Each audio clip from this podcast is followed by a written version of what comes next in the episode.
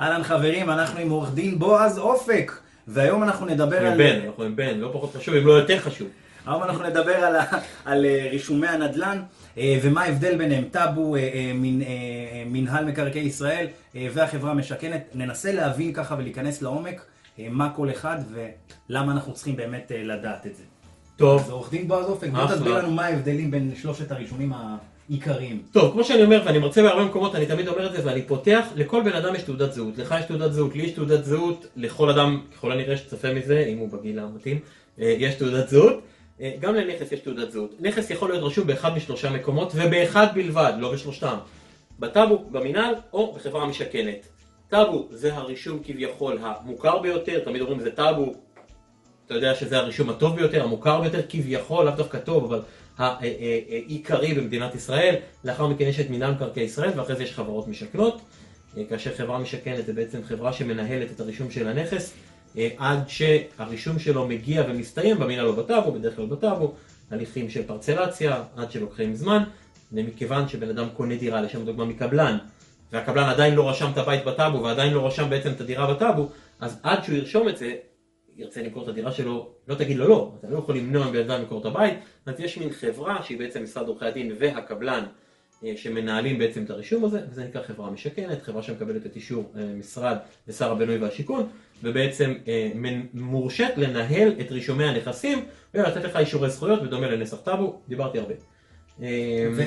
ונניח טאבו, איזה כן. דברים רשומים בתוך הטאבו? אוקיי, בטאבו אתה תראה הרבה מאוד דברים, בטאבו אתה תראה את שמות הבעלים, כן. בטאבו אתה תראה את מספרי תעודות הזהות שלהם, אתה תראה אם יש הערות אזהרה על הנכס, תגיד אם מישהו קנה כבר את הבית מה זה. הערת אזהרה לצופים? הערת אזהרה, הערת אזהרה זה לשם הדוגמה, אני ואתה קבענו היום לחתימה, אני המוכר, אתה הקונה, קבענו היום לחתימה, אה, חתמנו במשרד עורכי הדין, אתה שילמת לי 10% מ- מ- מהתמורה או 20% או כמה שלא יהיה, ובאמצעות זה עורך הדין שלך לקח מסמכים ורשם לטובתך הערת אזהרה.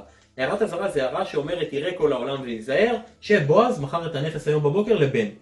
אם יבוא קונה נוסף וינסה לקרוא נסח טאבו, ונגיד שאני נוכל, וארכי נוכל ורוצה למכור את הנכס לא רק לבן אלא גם למשה. יבוא משה, יוציא נסח טאבו, פתאום הוא יראה, היי, יש הערת אזהרה. ביום כך וכך בבוקר, דווקא בבוקר, נרשמה הערת אזהרה, ובן קנה את הנכס מבועז על בסיס הסכם מיום כך וכך וכך. ככה אני יודע להיזהר. חוץ מזה אני יכול למצוא שם אה, עיקולים, אם יש חלילה משכנתאות, אתה יכול לדעת כמה משכנתה נלקחה כביכול ל... ל- היום כבר כמעט ולא מציינים את זה. לא את הסכום, לא את הסכום, אבל אתה יכול לראות מה... אתה יכול לראות, תראה, אתה חייב, כי הבנק דורש שתירשם משכנתה לטובתו. נכון. הרי איך הוא יוכל, לא עלינו לממש את הנכס במקרה של אה, מימוש, לקחת את הסכום. אה, מיסים, חובות, דברים כאלו. הערות, לשם הדוגמה, יש הרבה הורים שאומרים, אנחנו רוצים לקנות נכס שיירשם על שם הילדים, אבל אנחנו מפחדים שהילדים יעשו מזה דברים בעייתיים, או שיתחתנו, ואנחנו לא יודעים מה יהיה, ולא מכירים את הכלה, נכון, נכון. הרבה הורים לא מכירים את הכלה. אה, אז בואו נרשום הערת אזהרה על הימנעות מעשיית עסקה. זאת אומרת שהילד, הדירה היא שלו, אבל בשביל למכור אותה, או בשביל לעשות איזושהי דיספוזיציה משפטית, הוא צריך גושפנקה או חתימה של בעל הערת האזהרה. יש המון המון דברים, אתה יודע, קצרה יריעה מ... אז, אז הבנו את כל העניין של הנסח טאבו, מינהל, מה ההבדל בין נגיד נסח טאבו לבין אה, אה, אוקיי. אישור זכויות מהמינהל? אוקיי, כי יש הרבה מאוד אה, מקומות שעדיין לא נרשמו בטאבו. גם אה, אה, בנייה שהיא לאו דווקא בנייה רוויה, אלא בנייה צמודת קרקע שעדיין רשומה במינהל, וגם אזורים מסוימים, לשם הדוגמה מאחורי הקו הירוק או יהודה ושומרון, חברים, בני- בנייה רוויה זה אה, פשוט אה, בנייני... אה, רוויה, הכוונה רווי. הרבה, וצמודי קרקע זה בתים פרטיים כביכול, דואים, קוטג'ים או דברים כאלה שהם יותר צמודים. לא כולם, במקומות מסוימים, גם בבאר שבע, אתה תראה שלא, הרבה מאוד מהבתים הפרטיים לא נרשמו עדיין בטאבו. או שגם אם הם נרשמו, הם נרשמו תחת חכירה. ניגע בזה בפעם אחרת, אבל הם נרשמו תחת חכירה. אם הם נרשמו תחת חכירה, בטאבו, מוציאים נסח טאבו. אם הם רשומים במינהל, אתה צריך בכלל ללכת למקום אחר. אתה לא מוציא את זה כבר באינטרנט, אתה הולך למינהל ומוציא אישור זכויות מינהל, ורואה בעצם מי הם אותו דבר. מי הם החוכרים, עד מתי יש להם הסכם חכירה, מה אומרים התנאים, דרך אגב, בתנאי הסכם החכירה יכול להיות שכתוב מותר לבנות עד איקס מטרים. צריך לקרוא את זה, צריך להבין. מה, מאוד שונה מה זה. חכירה? אמרת מילה ככה אוקיי. שרוב האנשים... חכירה היא שכירות. לתקופה מסוימת. יש שלושה סוגים אה, של חכירות במדינת ישראל, יש חכירה קצרה, זה עד חמש שנים, יש חכירה ארוכה, אה, חכירה לדורות. עדיין לא, חכירה קצרה שעד חמש שנים, חכירה בלי לדורות, שזה עד 25 שנים, וחכירה לדורות שזה 25 שנים ומעלה, זה שלושה סוגים שבעצם אה, משתנים, קצרת מועד, בינונית וארוכה. חכירה, חכירה לדורות היא באמת לתקופה ארוכה, בדרך כלל המינהל נותן את זה ל-49 שנים או ל-99 שנים פלוס אופציית הערכה וכולי וכולי.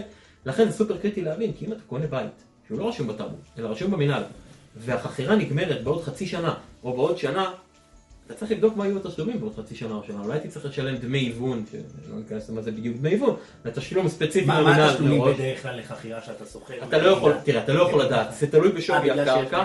בדיוק, זה תלוי בשווי הקרקע וזה תלוי במועד. זה יכול להיות מאות שקלים, זה יכול להיות אלפי שקלים, זה גם יכול להיות עשרות אלפי שקלים, שיהיה ברור. מאוד תלוי באזור, מאוד תלוי במיקום. אה, וזה השוני, לכן אתה חייב להבין. דרך אגב, אתם כקונים, אם אתם אה, אה, לא מגיעים למצב שבו הנכס רשום באחד משלושת המקומות בטאבו, במינהל או בחברה המשכנת, תתרחקו מהעסקה מהר, מהר, מהר, מהר, וגם אם זה רשום, לבדוק. עכשיו. דבר אחרון שמאוד מאוד חשוב שככה כל המוכרים כן. שלנו רואים תמיד מדברים לקונים, בואו נדבר קצת למוכרים. בבקשה. אה, בדיקות שהמוכר חייב לעשות לפני, זה מאוד מעניין. אוקיי. הוא רוצה דברים. למכור את הנכס שלו, הוא רוצה להציע אותו ב-X מחיר, מה- איזה בדיקות הוא צריך לעשות בשביל לבדוק אם אני- ניתן בכלל למכור? אני אגע בשלוש בדיקות באמת בקצרה כדי שאנשים אה, יבינו וידעו ברמה האישית. דבר ראשון, תבין שהנכס רשום על שמך. זה הדבר הראשון. למה? כי קנית נכס ושכחת שעורך הדין שלך היה צריך לטפל ברישום, ויכול להיות שגם עורך הדין שכח, סלש, מת, סלש, לא יודע מה קרה. אוקיי? תבדוק שהנכס רשום על שמך. אתה בתור מוכר, תוציא נסח טאבו, תוציא אישור זכויות, תוציא אה, אה, אישור זכויות חברה משכנת, איפה שהנכס רשום, כמובן, אחד מהם. תבדוק שזה רשום על שמך. זה דבר ראשון. דבר שני, אתם מוכרים דירה, תבדקו את עניין המס ואת היטל ההשבחה, דירה או בית. מה זה היטל השבחה? תשלומים לוועדה אה, המקומית, לרשות המקומית, כביכול בגין זכויות בנייה או בגין תוכניות שהשביחו את הנכס. אה, ומה זה מס? מס שבח, לבדוק האם אתם זכאים לפטור, לא זכאים לפטור, דירת ירושה, לא דירת ירושה, דירה יחידה, לא יחידה, ליניארי, מאוד חשוב לעשות את הבדיקה הזאת, אני אחזור ואני אגיד עוד פעם, מוכרים, שלוש בדיקות סופר קריטיות. תקשיבו, בדיקה ראשונה, תבדקו שהנכס רשום על שמכם. בדיקה שנייה, תבדקו שאין לכם מס שבח, או שגם אם כן, מה הגובה שלו. בדיקה שלישית, היטל השבחה. אם הנכס שלכם רשום גם במינהל, בדיקה רביעית זה לבדוק שאכן הנכס מהוון לתקופה ואתם לא צריכים לשלם. למה? כי אם אתם מוכרים דירה לשם הדוגמה או בית בשני מיליון שקלים ופתאום אתם מגלים שיש לכם שבח של 200, היטל השבחה של 100 ותשלומים למינהל של 50 אלף שקלים ויש לכם 350 אלף שקל פחות מהמחיר, תעשו את החשבון האישי שלכם ותחליטו האם זה כדאי. מתי זה חשוב? לפני ההסכם. אוי ואבוי אם אתם מגיעים למצב, והגיעו אליי הרבה מאוד אנשים אחרי, שמגיעים למצב שבו הם מכרו את הדירה ופתאום הם מקבלים הפתעה בדואר, 100, 200, 300 אלף שקלים, היטל השבחה, מס שבח, שלא בדקו להם את זה, או שמי שליווה את העסקה ברמה המשפטית או ברמה התכנונית לא בדק להם את זה, לכן כשאתם מוכרים, אתם יודעים בול כמה כסף נשאר לכם בכיס לפני שאתם חותמים על ההסכם. חברים, חשוב מאוד לבדוק את ההיטל השבחה, כי באמת אנחנו נתקלים בהמון עסקאות של... כן, כמובן. היטל השבחה, פשוט ניגשים לעירייה, הרשות המקומית, מבררים כמה אנחנו אמורים לשלם, ואז נדע באמת. נכון, דרך אגב, אני יכול להגיד לך שהיום בהרבה מקומות אתה שולח פקס למחלקת אה, הנדסה בעירייה ולבדיקה או למחלקת היטל השבחה, בהרבה מאוד מהמקומות ובהרבה מאוד מהערים, אני מקבל כבר תשובה, אני יכול לראות לך עכשיו שקיבלתי, נגיד מעיריית פתח תקווה, שלחתי השאלה להם אם גם נסח לקוח טאבו, פרטי יכול לפנות. בוודאי, חד אני משמעית. מקווה מאוד ו- שיענו לו, אני אני יודע שהרבה מאוד מקומות... בסדר, אז גם אם לא, אז הוא מדבר עם עורך הדין שמלווה את העסקה, ואבוי לו אם הוא לא יודע את זה לפני, לעורך הדין כמובן. אנחנו שולחים, אנחנו מקבלים אוטומטית. זה עוד נקודה. שבועז העלה, זאת אומרת אפשר לדבר, אפשר ורצוי לדבר עם העורך דין שלכם עוד לפני שסוגרים את העסקה, תזכרו את זה. לא, כדי לעשות את הבדיקות המקדמיות גם של קונה וגם של מוכר, אתם חייבים. אתם חייבים. חייב עורך דין. תבינו את זה לפני, תבינו את זה לפני, תעשו את זה. לא, כי פה כאילו דיברנו על העניין של הבדיקות שהוא יכול לעשות לבד. אז עדיף באמת... איך יבדוק את המס שבח לבד?